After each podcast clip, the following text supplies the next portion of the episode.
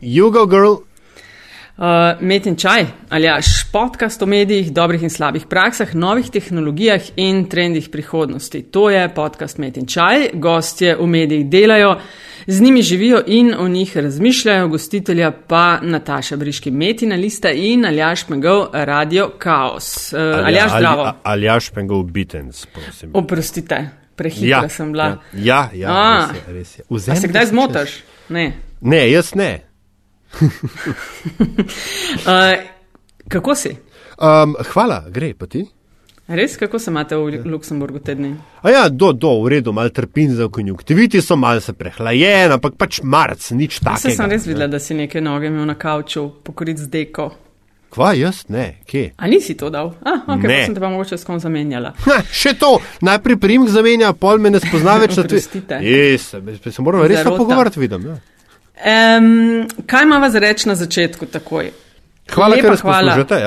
Ja, ja, lepa hvala, ker nas poslušate. Uh, blazno smo vesela vsa, vaših komentarjev, deljen in investicij tudi v Metino listo, da lahko tudi ostale uh, podcaste delamo z nespremenjeno hitrostjo. Metamorfoza, Matjaš je fantastičen. A se vidi, da je guest hosta na uh, frekvenca X? Ja, temu ja. se reče, da leze na vzgor po lestvici. Po leze. Uh, super delajo. In tudi Meta podcast bomo, so nove epizode na voljo, tako da dajte jih prečekirati. Sicer pa komentarji in predlogi dobrodošli na ključniku Metin čaj ali pa na e-mailu tudi infoafna metina lista. Um, kaj imamo plan za danes? Nekaj, kar sem se spravljala že kar nekaj časa, ne? tudi veliko predlogov smo dobila. Matija Stepišnik, večer, dajte ga. Matija, zdravo. Zdravo, dober dan, servus bi rekli v Mariboru. servus, ja, uh, ful stvari te imam za vprašati, tako na, na Štajersko vezanih, deloma sva na Twitterju, že v enih stvarih, ampak me res zanima, kaj, uh, tako, kakšna je scena, ker ti si se zdaj po, ne zdaj, no, že nekaj časa po dolgih letih ne vrnil na Štajersko. Uh, ja, v bistvu zdaj pa je že pet let praktično, odkar. Uh, Tako da si sem... dobro lahko zaznal temperaturo na tvojem koncu. Uh, res je, v bistvu neke abstinence, abstinenčne krize po Ljubljani, zdaj po tolkem času ni več, tako da zdaj sem se nekako potopil.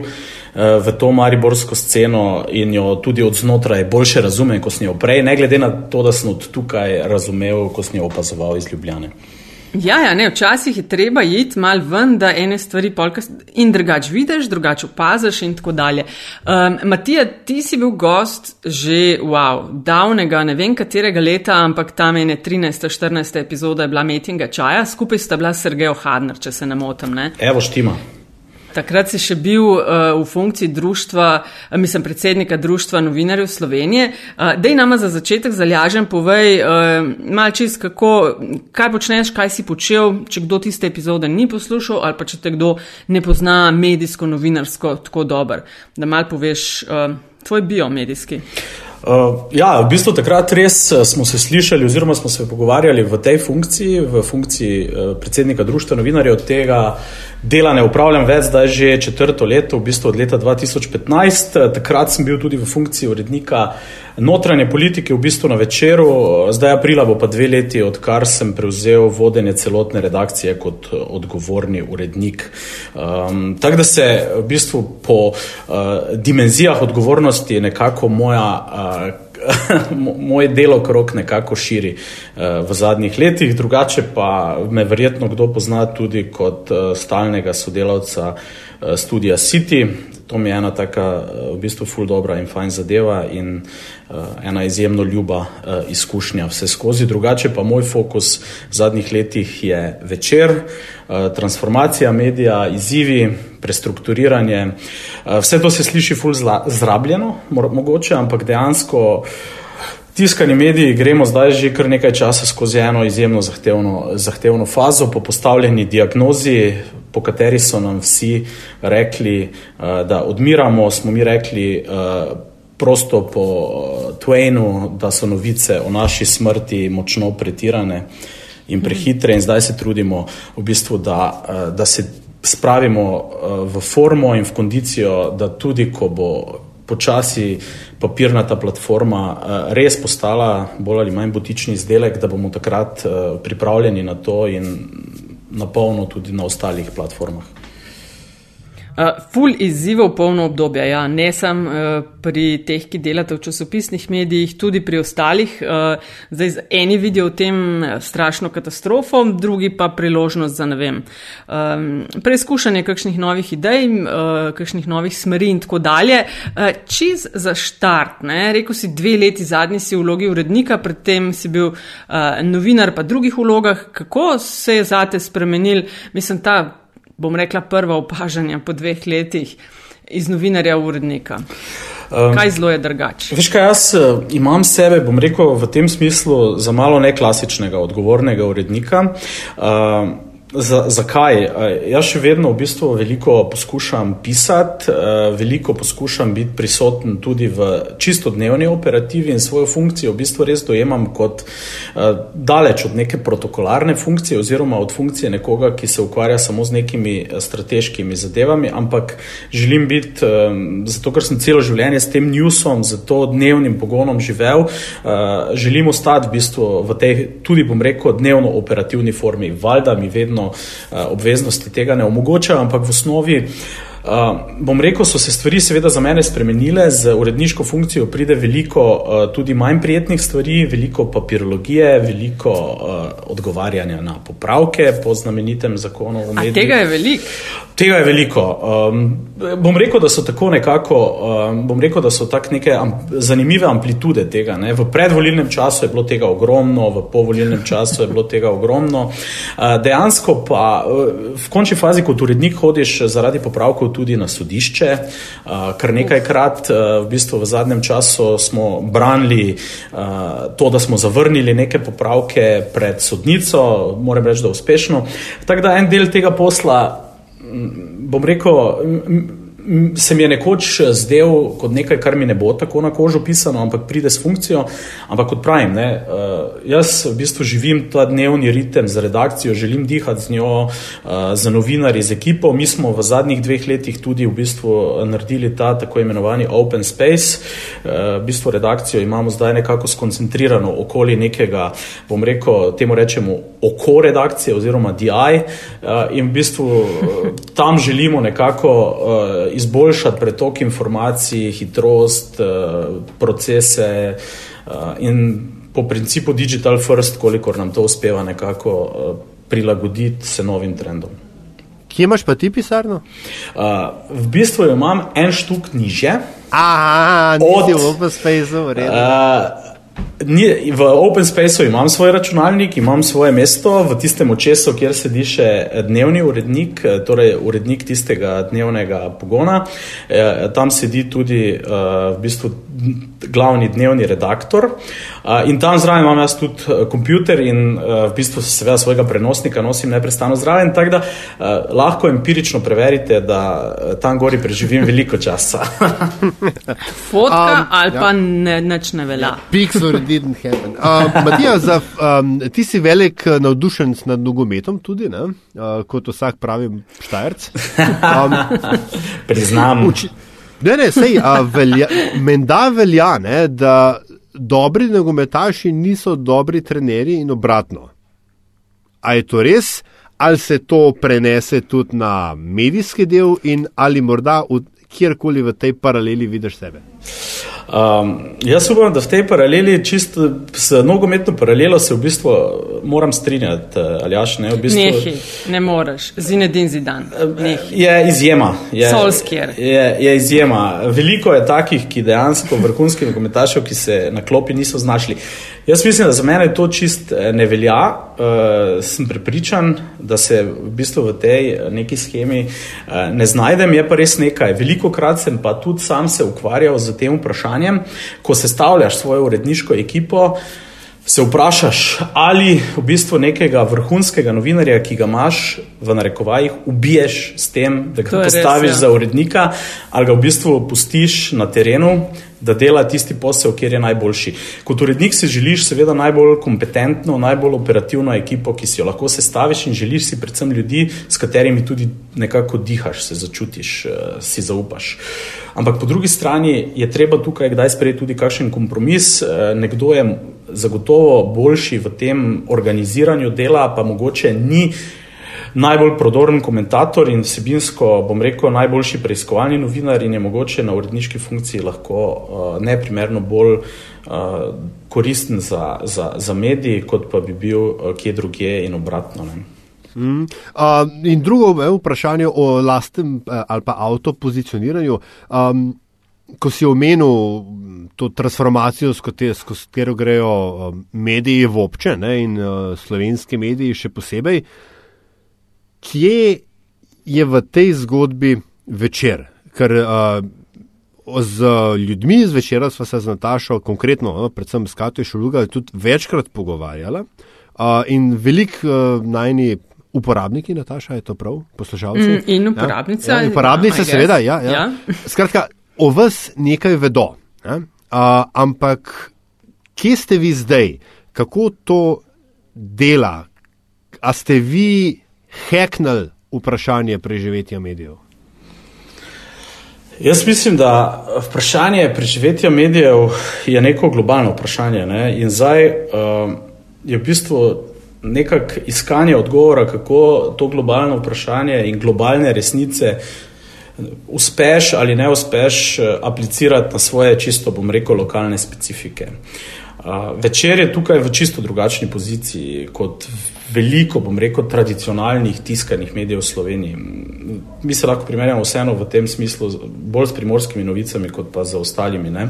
Naša pozicija je uh, takšna, da vendarle baza naša, naše bravstvo, ki, za katerega sem pripričan, da ga tu v Mariboru ali pa v severovzhodni Sloveniji, ta severovzhodna plemena z vsemi svojimi specifikami dobro poznamo, so tista, na katerih v bistvu v zadnjih letih gradimo nek svoj.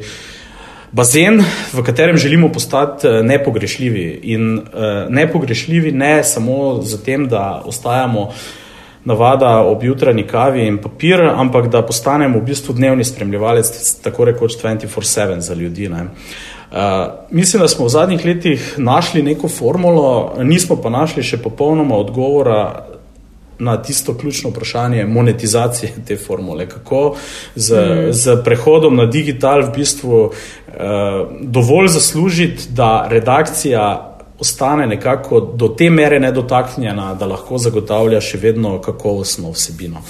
Uh, ker iskanje tega ravnotežja med tem, da se redakcije prilagajajo, da so se pomladile, da so se roko na srce v bistvu full skrčile, uh, da so se firme spremenile. Jaz se spomnim, ko sem se zaposlil na firmi, sem bil 220 zaposleni, zdaj nas je dobrih 100 oziroma nekaj čez, recimo 120 ali kaj takega. Tak da, 220 je skupaj z podpornim. Ja, seveda, seveda, ja. seveda. V redakciji novinarjev skupaj je 60 nekje približno nas.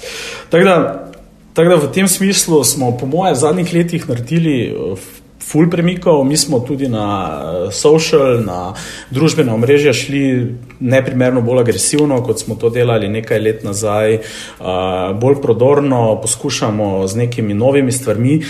Uh, mečemo vabe, mečemo trneke, iščemo nove formate, kaj se prime, kaj se ne prime, veliko tudi eksperimentiramo. Tako da to je v bistvu ful tako uh, pestro obdobje za nas. Uh, in hkrati se vsi učimo nove stvari. Ne. Dve vprašanje se tukaj porajata. Ne? Večer je eden redkih, če ne edini slovenski zasebni medij ali pa časnik ali pa kakorkoli, ki svoje spletne vsebine daje gor še brezplačno. Da, v celoti. Um, ja. Z, uh, zakaj in koliko časa bo temu že tako? Uh, glej, v bistvu je bilo to eno naravni, naravni vodstvo hiše, uredniško in strani menedžmenta sprejeto sprejeta odločitev pred približno, mislim, da je bilo dobri dve leti nazaj. Zakaj? Uh, mi smo na tisti točki ugotovili, pa ne se zdaj smejati, ker je v Mariboru z županom Arsenovičem to postal tako priljubljen izraz. Mi smo ugotovili, da rabimo nek razvojni preboj, da rabimo nek. ja, ne, dober, da, rabi, da rabimo nek. Da rabimo nek digitalni preboj. V bistvu, uh, ugotovili smo, da uh, ljudje, ki se zaletijo v naš, uh, takrat smo imeli zid postavljen, ne, nekako takoj odidejo iz spletne strani, doseg smo imeli slab. Uh, nizek, oziroma, seveda, ni bil taki, da bi uh, z tem dosegom v bistvu tudi na oglaševalskem trgu lahko karkoli pametnega delali. In takrat je bila v bistvu na ravni hiše sprejeta odločitev, da bomo uh, zadeve odprli. Odprli smo vse, odprta je sobotna priloga, odprta je nedeljska izdaja, odprta je vse. V tem času, recimo, smo po uh, MOS-u v bistvu podvojili ali pa 2,5krat večji doseg imamo. Zdaj, seveda, se zavedam vseh omejitev tega in da, da doseg še ne pomeni nujno. Uh, da so ti uporabniki v bistvu takšni, s katerimi bi lahko v končni fazi kaj zaslužili, ampak vendarle tu smo zdaj svoje bravstvo izrazito razširili in po vseh podatkih, ki jih imamo, smo nekako sploh pri digitalnih uporabnikih tudi v osrednji Sloveniji dovolj relevantni, da jih imamo v bistvu veliko bravcev tudi tam. Vsako leto po tisti odločitvi smo se potem ponovno na eni klauzuri vsedli in smo rekli, da je zdaj točka, ko začnemo postopoma zapirati vsebine, ali ni ta točka. Do zdaj je bila odločitev, ne, ne zapiramo, eh, ne zapiramo vsebin. Eh, imeli smo na mizi vse, ali zapremo sobotne vsebine, ali zapremo nedeljske vsebine, ali začnemo zapirati zahtevnejše tekste, večje intervjuje, komentarje. Eh, naše, recimo, kolumne, ki so tudi zelo brane, imamo nekaj dobrih kolumnistov. Res imate, ja. In zaenkrat je ta odločitev, da ne zapiramo. Ne delam si utvar, da na neki točki bomo verjetno uh, neko, nek, nek model zapiranja uh, vsebin verjetno uh, se. Se morali odločiti. Tudi v vodstvu, bom rekel, ni čisto, bom rekel, zdaj totalnega soglasja. Nekateri so bolj za to, ampak nekako demokratično se pol odločimo.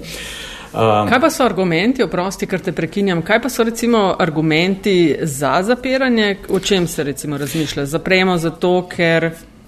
V bistvu na neki točki vse veste, ne? v Sloveniji bomo morali začeti vzgajati občinstvo oziroma ja, ja, publiko, publiko za to, da, da, da novica, da, da zgodba ne more biti čisto zastojna, ne? da, ne, da, da uh mhm. -huh. ne more biti eh, čisto zastojna. Jaz mislim, da so ceniki slovenskih medijev. Uh, previsoko nastavljeni, zato ker so uh, eh, bravci pripravljeni plačati. Tudi naša izkušnja je bila taka.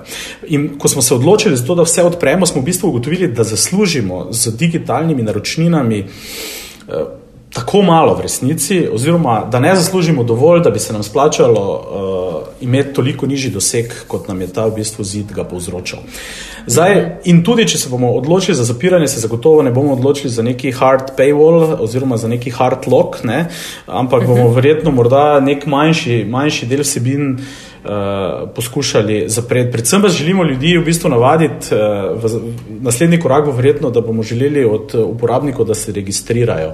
Že to je seveda v bistvu tudi za naše ostale službe zelo pomembno, da imajo podatke o naših uporabnikih in v bistvu lahko uh, pri njih poskušajo seveda zaslužiti kaj na drugačne načine.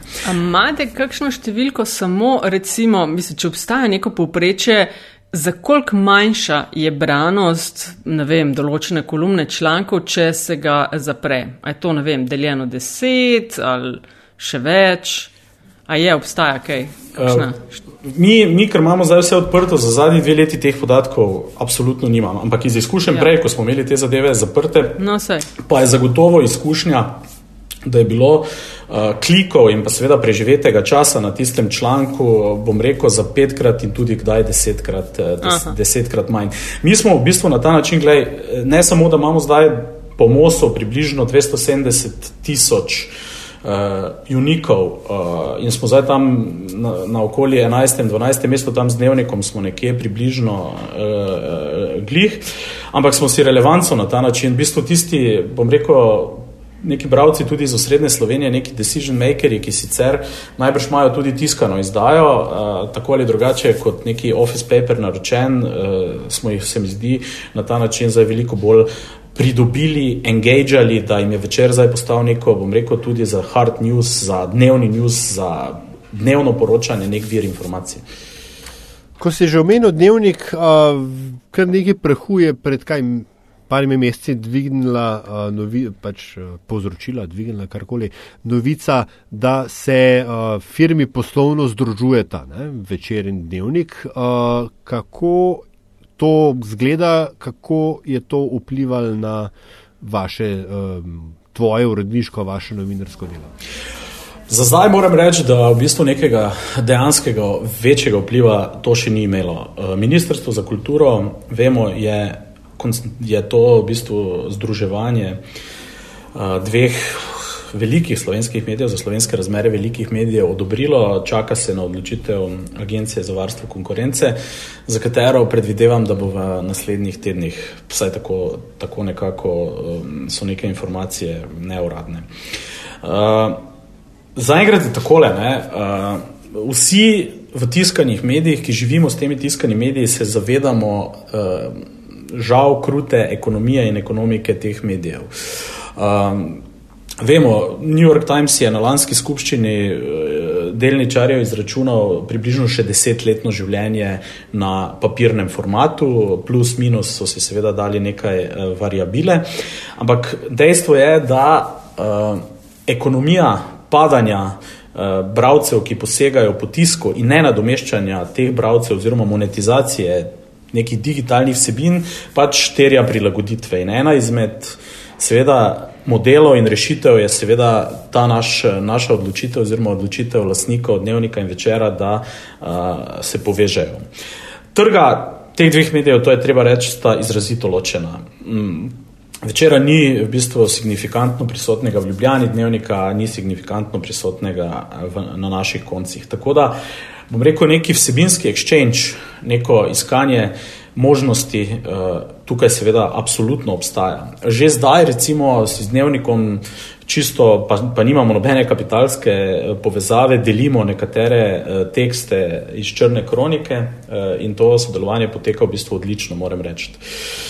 Res pa je, seveda, da vsaka taka zadeva uh, ne more miniti brez žrtev, to se vsi zavedamo. In uh, seveda je nekaj, nekaj strahov, upravičenih, nekaj legitimnih strahov uh, v samih ekipah to zagotovo povzročilo. Govorim lahko seveda samo za mojo ekipo, ampak lasniki za zdaj zagotavljajo, da bo ta proces uh, peljan. Uh, Brez da bi kakorkoli poškodovali esenco obeh blagovnih znamk, torej ostajata dva ločena uh, časopisa, ki bosta pa zagotovo uh, iskala skupne vsebine uh, na ravni politike, si predstavljam zunanje športnih redakcij Črne kronike. Uh, ne predstavljam si seveda, da bi ta dva medija lahko združevala uredniške politike, nas v ljubljanskih, bom rekel, oziroma v centralnih temah zanima nek štajerski pogled, iščemo bolj, bom rekel, neke zgodbe, ki vplivajo na ljudi tukaj. Dnevnik ima tukaj zagotovo svoje fokuse in vsako, bom rekel, tu neko sinhroniziranje, popolno bi seveda bilo škoda za oba dva medija. Tako da tukaj bo treba, ko bo zastavica, če bo zastavica AVK padla, da je to dovoljeno. Treba izrazito premišljeno peljati naprej. In uh, lastniki zagotavljajo, da bodo tu uredništva maksimalno vključena. Uh, In absolutno računam na, na razum in na to, da se bomo uspeli v bistvu tukaj eh, povezati na način, da bomo en drugemu nekako povečali oziroma podaljšali življenjsko dobo tiskanih, tiskane izdaje in se še bolj nekako digitalno uh, uh, šli v nek napredek. In z drugimi, in z drugimi besedami, če te razumem, da ja. ne bo preveč ljudi ostalo brez službe ali pa pogodb. Absolutno. Uh, mislim, mislim, zagotovo, zagotovo so novinari hrbtenica vsake medijske firme. Mislim, da se vsak lasnik tega, tega zaveda, da uh, z dramatičnim padcem števila novinarjev ti ne moreš več delati neke relevantne in resne vsebine.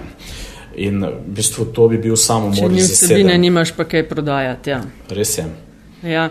Um, mogoče pa to trenutek zdaj tudi aljaš, da rečemo kakšno besedo o nečem, kar se mi zdi, da je v zadnjih dneh, snemamo namreč v sredo 6. marca, v zadnjih dneh dvigano majčken prahu in sicer to je prehajanje novinarjev v politiko.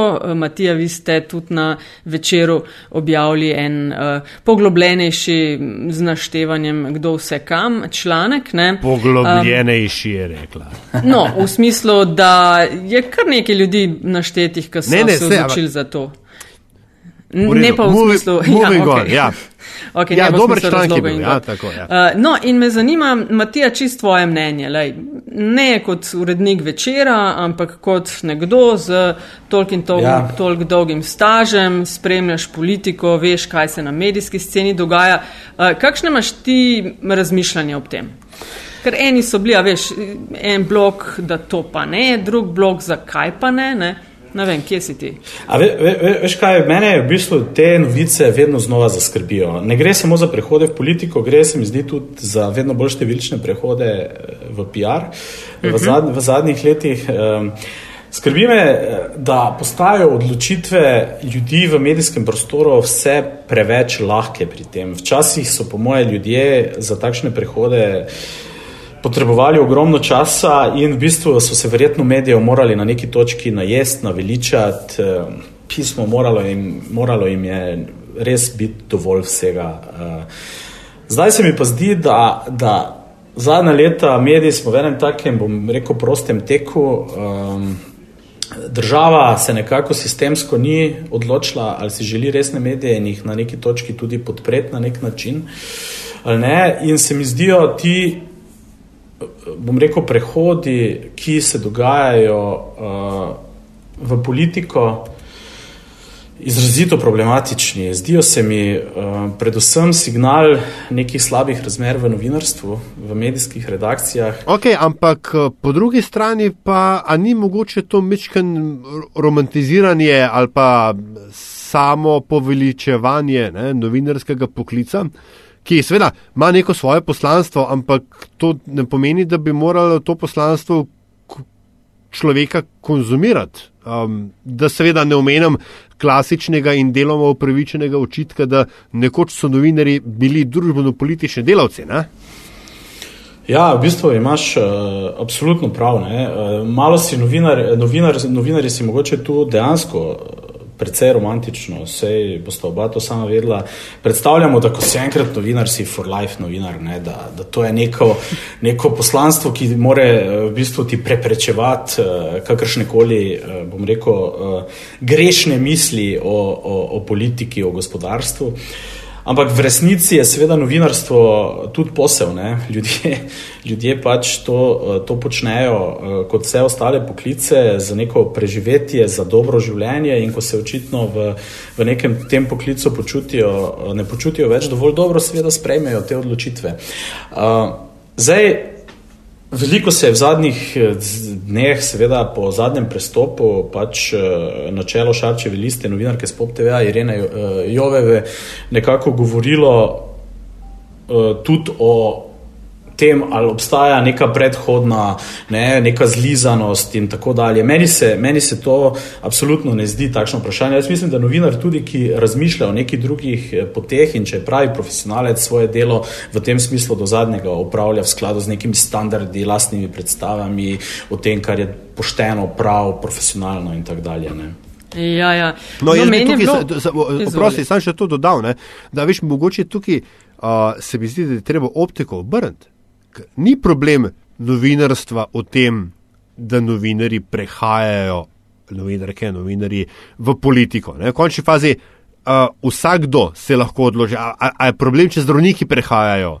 V, v uh, uh, politiko. Ne, takrat rečemo, o super, strokovnjak bo ministr za zdravstvo, kako fajn. Ne. Jaz mislim, da je problem slovenske politike, da lahko novinari, da rečem, s tako lahkoto vanjo prehajajo. Ne? Ker se ven, ker vedno znova in vedno bolj, ne, za vsako iteracijo, um, bom rekel, bolj zdravorazumske, ne, da ne rečem kmečke politike, ki prehaja uh, na plano, se ta prečka za vstop v politiko niža. Mi se zdi, da je vedno lažje ta prestop narediti.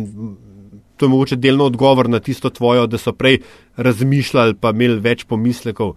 Enostavno mislim, da so bili prej pogoji za vstop v politiko toliko višji. Ma kaj hočeš reči, da grejo zdaj, ko grejo pa novinari in novinarke v politiko, gre pa slabši kader tja? Mislim, predvsem je. Se je ta meja se dejansko zabrisala, ampak ni se zabrisala zato, ker bi bila ta zlizanost neki blazen, blazen problem. Zabrisala se je zato, ker politika sama v bistvu ne ve več, kaj bi in pač zdaj Lej, valjda, prid, valjda, prid, gled bomo nekaj zrihtali. Um, in je uh, vstop, z, v, pač prejška za vstop v slovensko politiko, ne nujno samo z, z, z novinarjem, seveda, ampak z kjerkoli druge profesije, se je tako zelo znižala, da dejansko lahko že, danes se pa res lahko vsakdo že ukvarja s politiko. In kot politolog bi imel pa tukaj sam še eno pripombo. Ne. To, da Irena Joveva zdaj kandidira na listi Šarčeve liste, uh, stranke Mar liste Marana Šarca, seveda še ne pomeni, da bo izvoljena. In je, in je treba pohvaliti, se mi zdi, to, da je bila sposobna, da se je odločila, da bo eno svojo zgodbo in recimo, da ji verjamemo, zaključila, ne glede na končni rezultat, da je pač neko osebno tveganje uh, um, prevzela, to ne nujno pomeni endorsanja njenega političnega pogleda, ampak to, da je rekla, v redu, tega je konc, sklela bom probala, če ne rata, bomo videli, kaj se bo zgodilo. Se, se moram strinjati s tabo ne? in tudi z v bistvu to tezo o nižanju prečk. Eh, ta izraz je uporabo, ne, se mi zdi zelo posrečen uh, v politiki, ampak uh, ok, seveda mislim, da, da to ni povezano s da so nižanje teh prečk velja v bistvu za vse segmente, ki vstopajo v politiko, ne zgolj za ljudi iz medijskega posla in eh, ljudi iz, ja, ja, ja, seveda, ja. Eh, iz medijskega, iz novinarskega sveta. Eh, v zadnjem času so se seveda kadrovski bazeni slovenskih političnih strank v bistvu tako skrčili, tako zmanjšali, tako bom rekel tudi po neki čisto intelektualni lucidnosti poslabšali, da dejansko je v zadnjem v zadnjem obdobju smo imeli kup, bom rekel, ne na zadnje zgodb, ekscesov, škandalov, ki točno v bistvu tvojo tezo zelo plastično in ilustrativno uh, potrjujejo. Uh, politika kot profesija, kot uh, poklic, ne ukvarjati biti politik, je v tem smislu ima uh, absolutno uh, problem z, z to rekrutacijo kadrov. Pri nas prav, praktično za razliko od 90-ih in za razliko od začetka, bom rekel, tega tisočletja,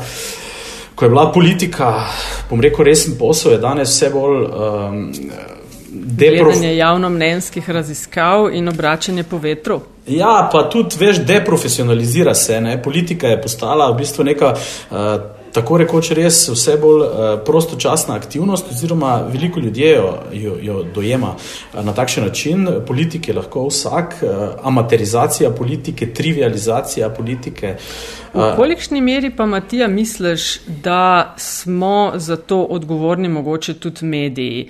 Um, jaz sem slučajno, imam v pogled v eno raziskavo, ki jo dela Clipping, to je to podjetje, s katerimi smo uh, seštevali oziroma analizirali analizirali število strokovnjakov in strokovnjakin v medijih ne, in zdaj pač analizirajo medijsko pojavnost ne, in se kaže, mislim, se ni neko presenečenje, ampak kaže se, da ko so škandali, ne, je, je popraševanje po politikih, po ministrih veliko, medtem ko redno delo medije naj bi že manj zanimalo. Kako misliš, da smo mediji, uh, mislim, a igramo kakšno vlogo pri tem, da je vse skupaj ratal, tako, kot si opisoval, preden sem te prekinila? Uh, guilty as charged, ne? Um, mislim, zagotovo od. Mislim, bilo bi. Ker se veš, kako je. Ne? Mislim, tudi to, kar si rekel, mediji, ne? treba se boriti za gledalce, poslušalce, bralce. To se dela na najrazličnejše načine in, in jaz vse čist razumem, ne? ampak se tudi oba dva veva, na kakšen način se včasih dela. Ne, ne nujno naj, najpametnejši ali pa najlucidnejši pridejo v medije, ampak da prazne flaše so tiste, ki ponavadi naj, najbolj odmevajo.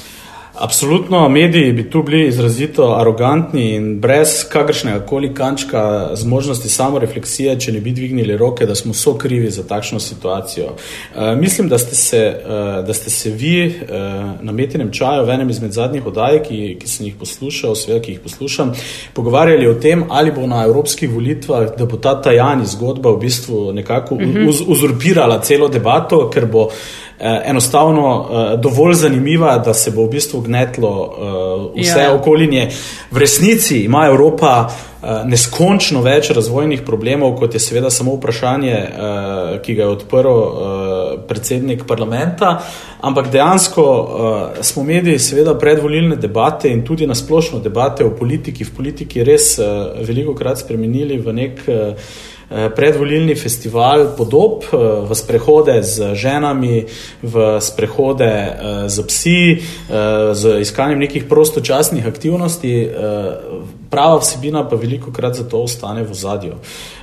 Medij, ki si bo upal se ukvarjati samo z hard vprašanji, Uh, bo seveda veliko tvegal. Ne, tvegal bo zato, da. Pa ne hkrati ne ekonomske cene plačal, oziroma pač manjši zaslužek tudi. Ne? Uh, res je. Manjši branosti, gledanosti. Ampak zanimivo je zdaj, ne, da ravno pri tem evropskih volitvah vsa politika. Uh, mediji eh, tulimo v isti rok, to so prelomne volitve, to je križišče ja, ja. Evropske unije. Zdaj pa me zanima, ali bomo na tem križišču se znali ustaviti in dejansko odpreti pravo vprašanje, eh, ali bomo znali najti razlike med političnimi grupacijami, med kandidati in postaviti vprašanja, ki bodo razgalila njihovo znanje ali pa neznanje, ali pa vedenje in nevedenje o nekih dejanskih pojavih in procesih, ki so ključni ali se bomo ukvarjali samo s plačami, z potnimi stroški, ki so seveda absolutno v luči transparentnosti zelo pomembni, ampak če bo, ja, ja. Če bo to zaznamovalo celo debato, potem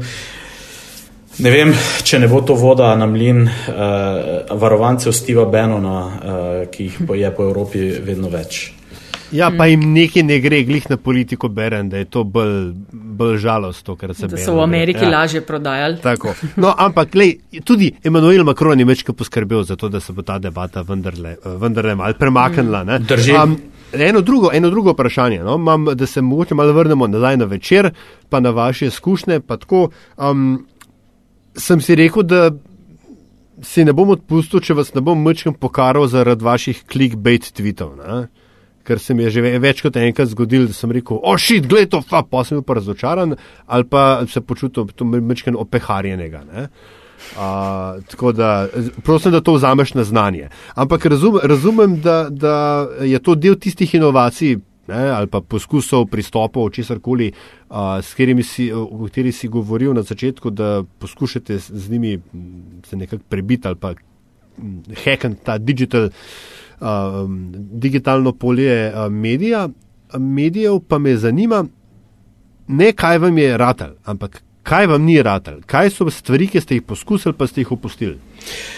Uh, hvala za kritiko, vzeto na znanje. Uh, v tem času, veš, ko, ko nekaj poskušaš, dejansko kdaj skupaj stopiš, seveda tudi v neznano, mogoče kdaj stopiš predaleč. Uh, smo se že zaradi kakšne take stvari tudi opravičevali, ker mi znamo, uh, za razliko od koga drugega, tudi priznati, kaj narobe naredimo. Uh, in, in dejansko. Uh, Predvsem mi je zelo pomembno, da na Twitterju in Facebooku komuniciramo z uporabniki, da če nam uporabniki nas na nekaj, bravci, zdaj sem grdo rekel, bravci na nekaj opozorijo, da potem eh, jih zvišeno ne odpravimo z, z, z tem, kaj zdaj vi govorite, ampak se dejansko ukvarjamo s tem. Predvsem pa, veš, to vrstni tviti, ki so kdaj tudi zdrsi, eh, so malo posledica žal tudi te fast news produkcije, ko, ko veliko krat na Twitterju kdaj tudi je, bi bilo boljše dvakrat vdihniti, pa pogledati tisto, kar je napisano, preden stisneš tisti enter in, eh, in potem eh, ta, ta tweet uh, objaviš. Glej, zanimiva stvar, ki jo v zadnjem času, ne vem, ravno, ravno vajem format, format podcasta, mi smo se tega formata lotili ful pozno, dejansko lotili smo se ga zdaj za eno tako, bom rekel, lahkotnejšo uh, varianto. Uh, vpeljali smo uh, Torej, podcast, ki se imenuje Pop Dekl, v katerem eh, naša no-, novinarja Jaša Lorenčič in Deni Živčec v bistvu se pogovarjata o najrazličnejših eh, temah. In to je eden izmed poskusov eh, v zadnjih tednih, recimo, za katerega ne vem, ali nam bo, ali nam je čist ratal, ali, ali je treba tukaj biti malo potrpežljiv in, in tako dalje.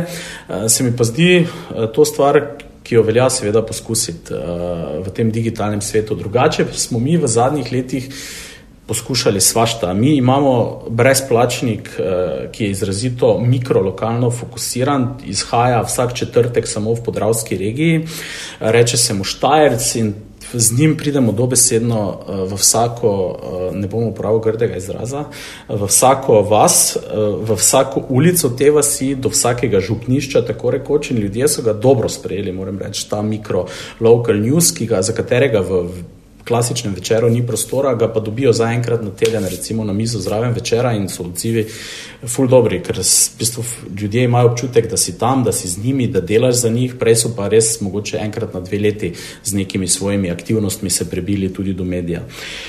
Um, tako da poskusov je bilo veliko. Uh, zdaj, kaj nam ni ratalo, si, uh, si me vprašal. Ne? Ja, ne, kot, uh, kot um, veš, um, warning to others ne, v lepi slovenščini. Uh, veš, kaj je mogoče, mogoče je stvar, ki, uh, ki se absolutno uh, nekako ne obnese, je v bistvu, da poskušaš biti, bom rekel, uh, dober, ali pa oziroma poskušaš, eh, poskuš, treba se fokusirati na stvari, kjer si dober, kjer so tvoje prednosti in tisto, kar znaš delati. Mi smo na neki točki mogoče preveč poskušali svaštari, poskušali smo vse, vse stvari, uh, vse teme in vse možnosti, ki jih imamo, uh, sami prijeti in smo bili v nekaterih temah, bom rekel, absolutno nekonkurenčni uh, in se je videlo, da je boljše, če mi delamo lastne zgodbe, ki, za katere imamo kompetentne novinarje, kjer imamo lastne informacije in v tisto vlagamo. Nekaj časa smo mogoče poskušali to zadevno tekmovati, bom rekel, z vsemi tudi mediji iz centralne Slovenije. To smo upustili, zavedamo se, kaj je naš fokus in smo ga nekako izčistili. To se mi je zdela ena taka pomembna stvar. Eno stvar bi te pa jaz vprašala v zvezi z Twitterjem in družbenimi omrežji. Pred časom že sva nekje na hitro poklepetali na to temo z Tanjo Starič. Ne? Uh, Eh, in o tem, kako toksično je postalo komuniciranje, in je sama omenila, no, da, da se ne spušča zares več v kakšne debate, ker postane prehudo. No. In je omenila, no, sej Matija isto. Ne. Pa sem res začela malo pazvati in sem videla, da imaš, imaš uh, mislim, da, da si včasih si več dal prav s tem, da si odgovarjal, da zdaj pa res uh, si na nek način odrezal. Ne? Uh, a je to, mislim, ne vem, ne, taktika, je bila to tvoja odločitev, zakaj in tako dalje. Um, veš kaj, jaz bom rekel, da imam v sebi malo, bom rekel, te uh, štajerske koleričnosti, uh, tudi kdaj uh, na Twitterju, mislim, in sem kdaj reagiral uh, prehitro, preveč na prvo žogo, uh, kdaj tudi uh, neprimerno, ne, ne bežimo od tega. Ne. Najprej sem odrezal, uh, včasih sem se bil sposoben celo prepirati z nekimi anonimusi, z nekimi fake, ja, vem, fake, ja, fake ja. profili. Najprej sem odrezal, to je bil prvi korak, da se z ljudmi, ki pač niso sposobni svojega imena in primka in svoje osebe zastaviti nekako za svoje besede. Dejansko ne ukvarjam in s njih odrezal. Potem pa sem v bistvu dejansko ugotovil, da z pozicije odgovornega urednika se zapletati v neke uh, debate, de, debate, v kateri uh, si lahko samo poražen, ker ta teren pač oni neskončno bolje obvladajo nima nobenega uh, v bistvu smisla. Uh, mm. Ogromno energije ti gre za to, ogromno te energije, ki jo dnevno lahko porabiš za to, da šeraš svojo vsebino, da se pogovarjaš in da odgovarjaš na vsebinske stvari, ti gre v prazno. Uh, in v, v, v, tej bitki, uh, v teh bitkah mene pravzaprav uh, ni več. Še nekaj se ti pa začne to dogajati v teh nekih, bom rekel, prljavih ne, bom rekel, komunikacija, ki se na Twitterju seveda dogajajo, uh, se ti počasi, ne, tudi če tega nočeš, se ti počasi tako, uh, se ti ta uh, erotika do poklica, ta strast, ne, počasi te kljuvajo, najedajo in tudi če, ja, tudi če jih, veš, tudi če, če ti si ful samozavestni in se z njimi, v bistvu, bom rekel, z nekega pozicije, uh, nekega medija, uh, z njimi pogovarjaš, ne, nekako ti, ti to energijo pozitivno, ki jo imaš, da se ukvarjaš ja, z vlastnimi mediji. Te pije in se reko, ne, v blato te prešit zvabi in, a veš, uživa v valjanju, ti si pa na koncu samo umazan. Evo, super, super si to povedala in v tem blatu uh, se, se ne bom več valjal, je bila neka odločitev. Uh, se mi zdi na Twitterju, ki ga zdaj, zdaj blazno popularno govoriti o Twitterju kot pljuvalniku, ne, uh, uh -huh. In se mi zdi to krivično, na Twitterju je vseeno ogromno, bom rekel, dostojnih, pametnih ljudi, ki znajo Twitter uporabljati za to, kar je ene. In uh, to je polje, eh, na katerem delam zdaj, v bistvu uh, bolj natančno. Nekako smo pa, moram priznati, tudi novinarjem uh, skozi v bistvu nekaj izobraževanja, ki smo jih imeli lanes, uh, lani, poskušali dopovedati. Uh, nismo zdaj, bom rekel, nekaj, poskušali smo ustno vzpostaviti nek interni, ne bom rekel bonton, ampak neka, neka pravila, ne, kdaj ni dobro se, se zapletati v, v neke to vrstne stvari. No. Hmm. Um, omenil si te napade silne, ki so, veš, kaj ti pol že po defaultu zaradi funkcije v narekovaju pripadajo, Lej, ne morem jim tega, kar sva pred dnevi načela na temu Filipa Flisarja. Ne? Yes. Uh, spraševala sem, pač bil je incident na, na karnevalu v Ptuju, uh -huh. uh, spraševala sem te, jaz čisto razumem, ne, da, da se pač ne vem, nekdo napije, da. Jo, ni v najboljši formi, kdaj ne. Tisto, da vem, razbiješ avto, se mi je zdelo, oziroma šipo se mi je zdelo, mogoče malo en, en drug nivo. Pa to vse razumem, sploh ne želim o tem uh, razpravljati, ampak me sam res zanima, kako je folk to na vašem koncu dojel. Uh, jaz mislim, da. Povej, no, vem, a je tista varijanta, pač popularni športnik, je res je neugodno, ne? kolikor ja. te mal več ljudi poznate na kakšnih prireditvah, a veš, cukaj za rokav takšni drugačni, hočejo to ali ono, ko so pijani, je to še mal hujšne, pa ti včasih res poči film, ampak tako, folk kako gleda na to?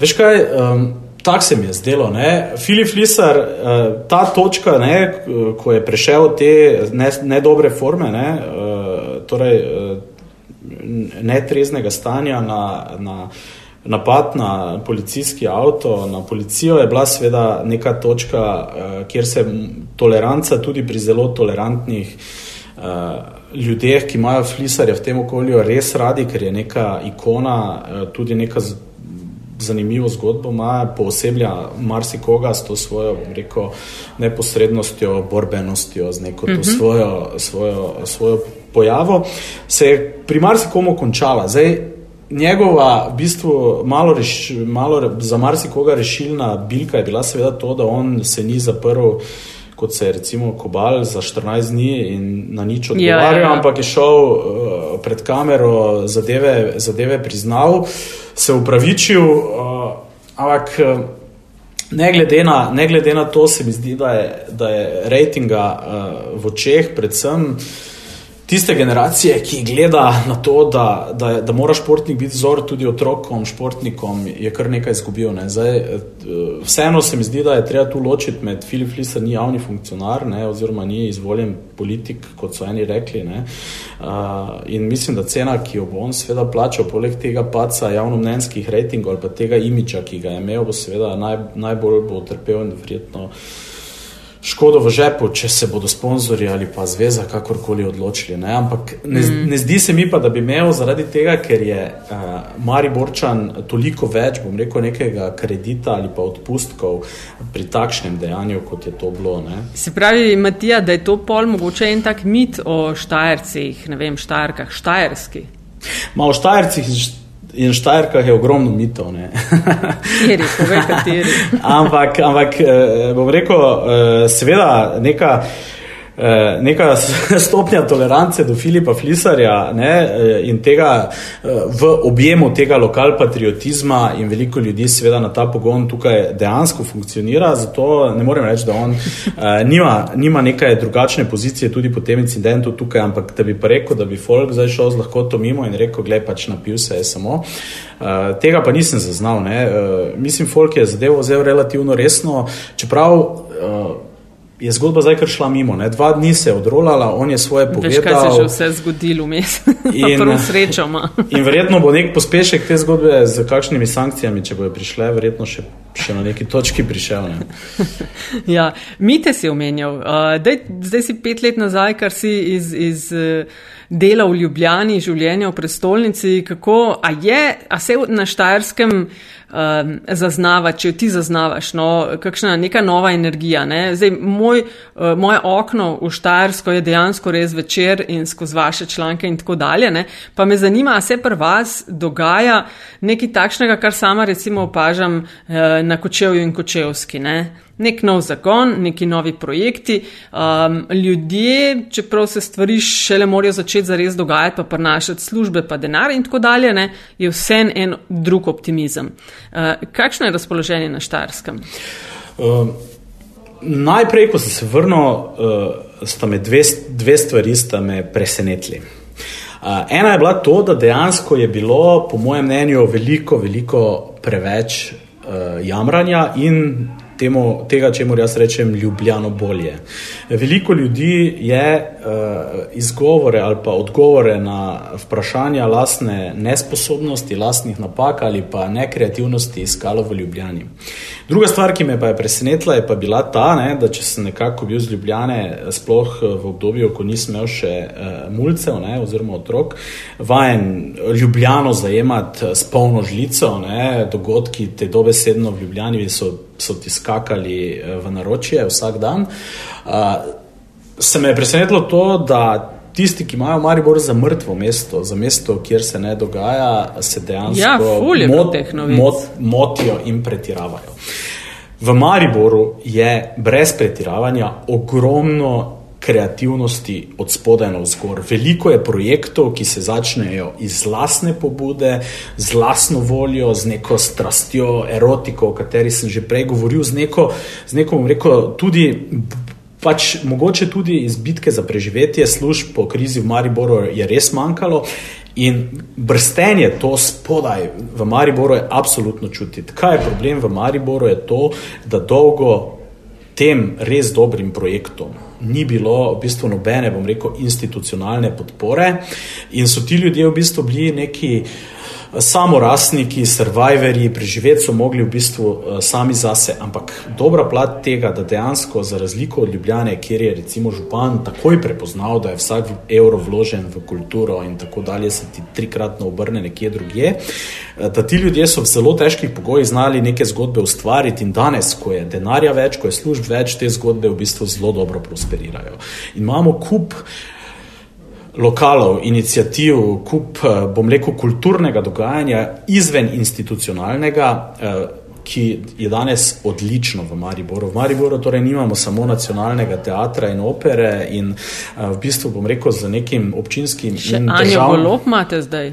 Anjo Golob imamo, upam, da ne samo začasno. Uh, odlično bere ona, v bistvu ta Maribor, ne, in odlične stvari govori tudi aktualni mestni ekipi, uh, v kaj bi bilo treba investirati. Uh, super glas znotraj Maribora. Vidiš nekdo, ki je prišel od zunaj in stvari vidi na drugačen način, ker ko si seveda v neki lokalni uh, sceni, se moraš kdaj izstopiti iz nje. Ne, pogledati od zunaj eh, na vso stvar. Zato je meni to na začetku koristilo, da sem prišel v bistvu po študiju in po koliko 12 let sem še pol bil v Ljubljani. V Mariboru in sem ga v bistvu dojemal uh, manj sentimentalno v tem smislu, manj svetobolsko, uh, svetobolno, manj, uh, bom rekel, uh, tragično v, v njegovi res kdaj kruti osodi z uh, postindustrijskih mest. In dejansko v večeru danes poskušamo zajeti v bistvu ta utrip, to brstenje, v bistvu dajemo besedo uh, tem ljudem, ki ustvarjajo neke te zgodbe in ful imamo tega materijala, se mi zdi res ogromno. Super. To je pa ful dobro slišati. Ker je res se mi zdelo, da je se govorilo o Mariboru kot eni zaspani prestolnici uh, ali pa večjem slovenskem mestu, drugem največjem, ne, o nečem, kjer je ja, ljudje nekako dani v usodo. Mislim, tako zelo velike enih sporednic z skočevjem lahko potegnem, ne, ok, kočuje čist na manjši skali in tako dalje. Um, Aljaš? Uh, ja, neč. Um...